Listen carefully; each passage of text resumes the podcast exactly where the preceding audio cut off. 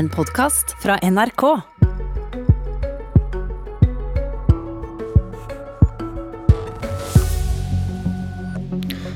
Erna Solberg øynet kanskje et lite håp om fredelige forhandlinger med Fremskrittspartiet. For før landsmøtet ba nemlig Ketil Solvik-Olsen partiet sitt om å snakke med innestemme om innvandring. Men håpet ble raskt slukket. Meg, Ketil. Vi har ikke tenkt å snakke med innestemme. Vi skal fortsatt være de som tør det å si det som ingen andre tør å si. Nestleder i Fremskrittspartiet, Sylvi Listhaug, velkommen til Politisk kvarter. Tusen takk. Din partikollega Solvik-Olsen frykter at utestemme i innvandringsdebatten står i veien for budskapet. Hvem i partiet tror du han hadde i tankene? Det vet ikke jeg. Men eh, i Fremskrittspartiet så er vi mange ulike personer. Vi kommer fra ulike deler av landet, og det preger nok også at vi rett og slett argumenterer eller fremfører budskapet forskjellig. Følte du deg truffet? Nei, jeg følte meg ikke truffet. Jeg mener det er kjempeviktig at vi tør å ta opp saker som er politisk ukorrekt. Enten det er innenfor innvandringspolitikk eller skatte- og avgiftspolitikk eller vindmøller for den saks skyld, som raserer norsk natur, så er det viktig at Fremskrittspartiet er en tydelig røst og tør der andre tider. Vil du si du har den innestemmen som Solvik-Olsen etterspør?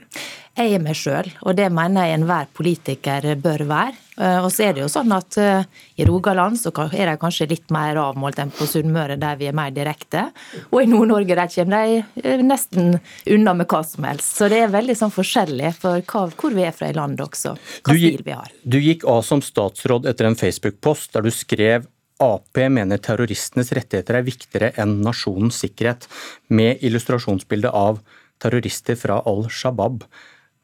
Kan det være den type utestemme Solvik-Olsen mener står i veien for budskapet? Det er i hvert fall en sak som for lengst er lagt bak meg. Jeg jobber framover. Og har handler, om? Å, det handler om å få gjennomslag for Fremskrittspartiet sin politikk. Men jeg kommer aldri til å, å, vike for å ta de vanskelige debattene og være tydelig i politikken. Det har vært siden jeg starta med det, og det var faktisk grunnen til at jeg valgte Fremskrittspartiet i sin tid. Fordi at jeg så politikere som turte, og som var seg sjøl, og som eh, hadde et tydelig budskap. Men hvis, for, hvis, ordene dine står i veien for budskapet, hva oppnår du da? Det viktigste tror jeg er for politikere å være seg sjøl og diskutere uh, ulike tema på en saklig og god måte. og Det er i hvert fall det jeg prøver å få til. Og så er vi direkte på Sunnmøre, og det, det, er sånn vi er. Ok, Regionale forskjeller der, altså. Ja, det er det. I, I går la du fram andre delrapport fra innvandrings- og integreringsutvalget til Frp. Et av forslagene er at flyktninger skal få opptil en halv million kroner for å reise hjem. Hvordan tenker du at dette vil fungere? Ja, dette er jo selvfølgelig personer som har fått opphold i Norge, som har fått flyktningstatus.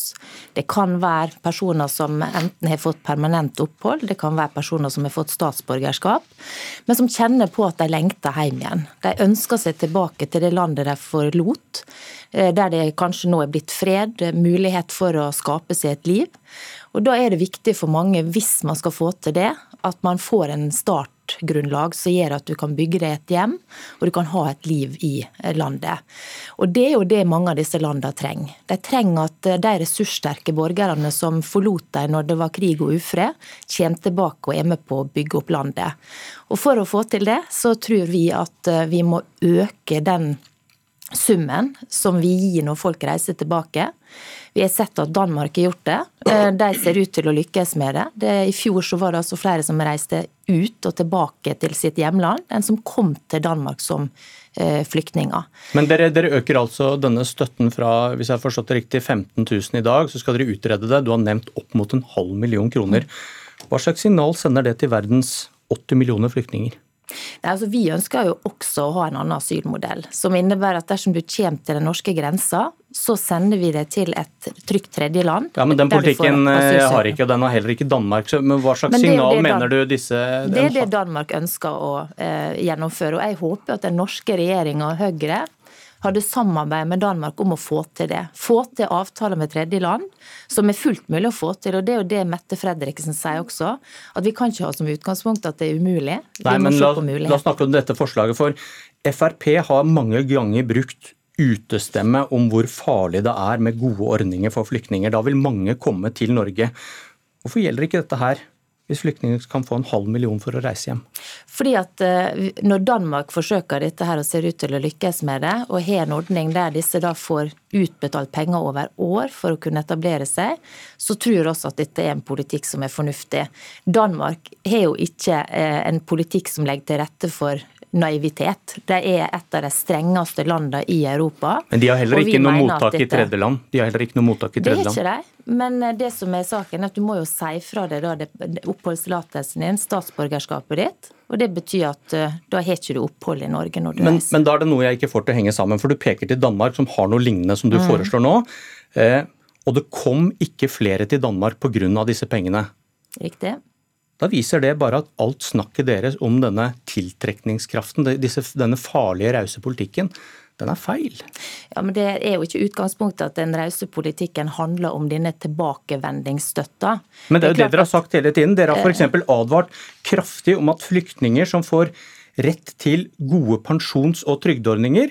Da blir det svært fristende å flykte til Norge. Hvorfor gjelder ikke det i akkurat den samme logikken i denne saken? Det er fordi Vi ser jo det at når altså, migranter velger land i Europa, så velger de gjerne vesteuropeiske land. Og Grunnen til det er jo rett og slett fordi at mange av disse landene har veldig gode velferdsordninger. Eh, så er det jo sånn at Veldig mange ønsker ikke å reise tilbake til det landet de kommer fra.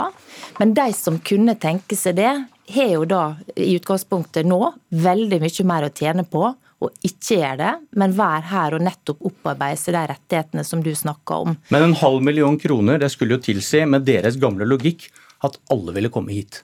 Nei, og det, det, mener vi at det ikke vil føre til. Eh, fordi Nei, som, motbevis, da, motbeviser da ja. deres tidligere tese om at det vil det føre til? Nei, fordi at vi mener at vi samtidig skal stramme kraftig inn på politikken. Og spesielt det med å si at du ikke kan få opphold i Norge når du kommer som asylsøker, vil jo da rett og slett motvirke det fullstendig. Men så vil jeg si at eh, altså, en familie på fire som da er i Norge gjennom en sånn livsløpskostnad, innebærer også ca. 80 millioner kroner for fire mennesker. Vi regner med 19,3 millioner per person. Og det vil si at 500 000 for en familie som ønsker å reise tilbake, etablere seg, være med å bygge opp landet sitt, er en veldig billig pris, sammenlignet med at de er i Norge da. Men det, det, har jo, det har jo ikke noe å si for hvor fristende det er for flyktninger å komme hit. Men det er veldig hvis du vifter med en sjekk på en halv million hvis du får opphold her. Det er veldig mye å si for den norske statskassa dersom folk ja. ønsker å reise tilbake. Okay. Eh, men vi må jo da sørge for at vi har en politikk ellers som gjør at Norge ikke er attraktivt. Og der har jo Fremskrittspartiet bidratt i regjering til å stramme kraftig inn, som gjør at det kommer få nå. Og det mener vi det kommer til å fortsette med dersom vår politikk blir innført. Ove Trellevik, innvandringspolitisk talsmann i Høyre, velkommen. Jo, takk for det. God morgen. Hva tenker du om dette forslaget fra Listhaug? Første, første, reaksjonen min var at jeg ble egentlig kanskje litt overraska. Men når jeg hører hvordan det var tenkt å ramme det inn, så er det kanskje litt mer sånn nyansert. Eh, vi har jo hatt en ordning her etter krigen på Balkan hvor vi hadde en returordning og hvor man fikk kontantstøtte. Men beløpene som Frp signaliserer nå, er betydelig høyere. Og Min bekymring eh, først og fremst det er at, eh, at presset på den totale flyktningbelastningen i verden vil øke. Eh, I hvert fall Hvis mange land har sånne returordninger eh, som er så lukrative, så vil, eh, så vil mange kunne både føle seg både pressa til det av sine, av sine land, si, men òg få en egen motivasjon til, å, til å, å, å, reise på flukt. Hvis dette skulle bli en, en gjengs politikk i både Norden og i Europa, at man betaler så mye for å reise tilbake igjen, så vil verdens flyktningantall øke fra 80 millioner til til mange 80 millioner, kanskje.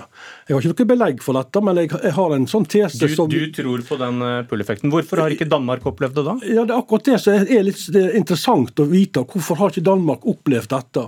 Det kan være fordi at Danmark er et lite land, og at den ordningen for så vidt er veldig begrensa. Men hvis hele Europa skulle på en måte ha en sånn ordning, da, da, vil, nok, da vil nok dette virke veldig sånn tilforlatelig for veldig mange nasjoner og veldig mange flyktninger. Er du åpen for at dere begge kan ta feil om at disse pull-effektene de er ikke så sterke som dere alltid har hevdet?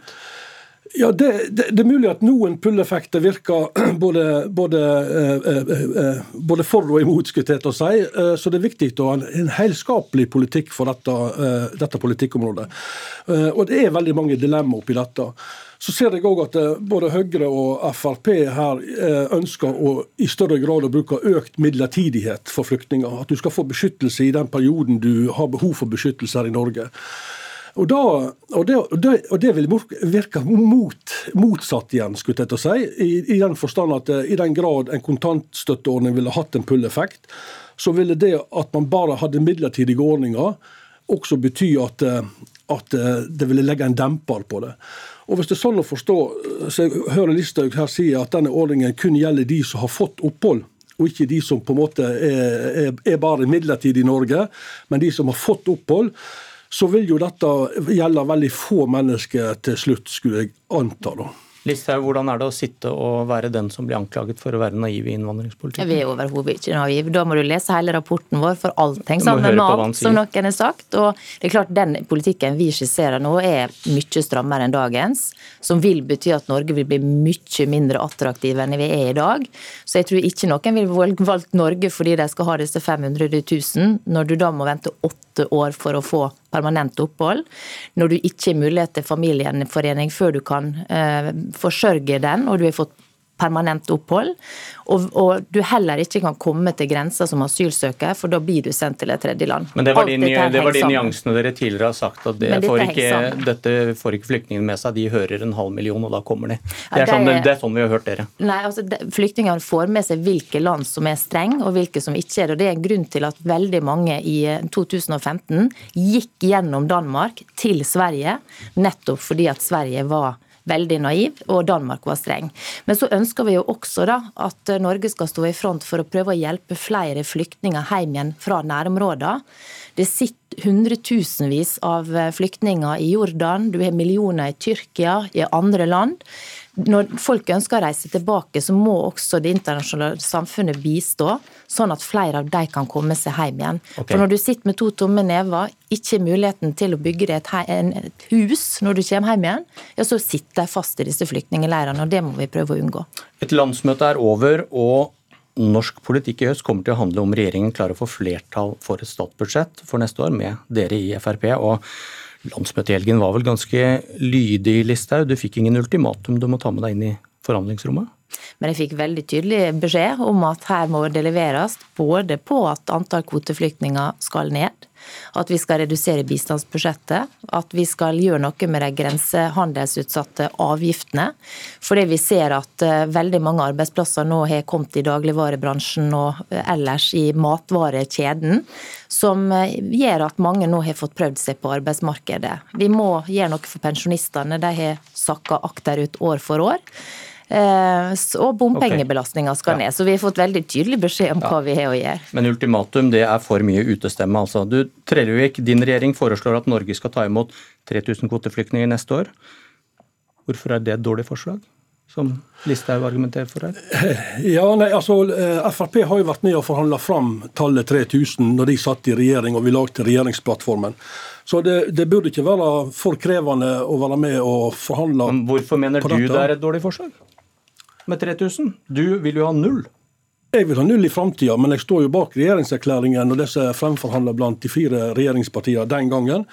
Eh, eh, men samfunnet trenger en stopp nettopp for å integrere bedre de som har kommet hit. Og veldig mange av kvoteflyktningene har veldig få forutsetninger til å lykkes i Norge. Har du sagt eh, Er du uansvarlig med 3000? Nei, men det, handler om uh, å, å, å, bruke de store ressursene i nærområdene. Uh, politikken vår her handler om at vi skal ha en både en anstendig og, og forutsigbar og rettferdig og bærekraftig asylpolitikk. Vi må hjelpe flere, og vi hjelper ikke flere med å ta mange til Norge. Men Mener du at 3000 neste år er uansvarlig? Nei, jeg mener at 3000 er ikke uansvarlig. Du må se det hele forhandlede resultatet av regjeringsplattformen, og det er den vi skal forhandle nå. Det er det budsjettet er bygd på, og det er det som ligger til grunn for budsjettet. Det vi diskuterer når det gjelder framtidig politikk, handler jo ikke om årets budsjett og årets budsjettforhandling å gjøre. Så vi må skille mellom, mellom Clinton og Veten her. Okay. Eh, eh budsjettet i år må vi vi prøve å få i havn med Frp. Jeg får håpe at ingen har altfor låste posisjoner når de møtes rundt bordet. Tiden er ute, Listhaug, men dere kan jo heller ikke mene at 3000 er uansvarlig, for det har dere skrevet under på i Granavolden. Og Vi har nå eh, skrota Granavolden og er veldig glad for å være ute av regjering og slippe å sitte og bli diktert på dette av Venstre og KrF. Nå er det andre tider, det er vårt partiprogram som ligger i bordet. Og da er ikke det uh, utgangspunktet vårt at vi skal ta imot 3000 kvoteflyktninger. Tallet skal ned. Får vi se om Høyre klarer å diktere dere. Uh, takk for debatten. Dette var Politisk kvarter. Jeg heter Bjørn Myklebust. Du har hørt en podkast fra NRK. Hør flere podkaster og din NRK-kanal i appen NRK Radio.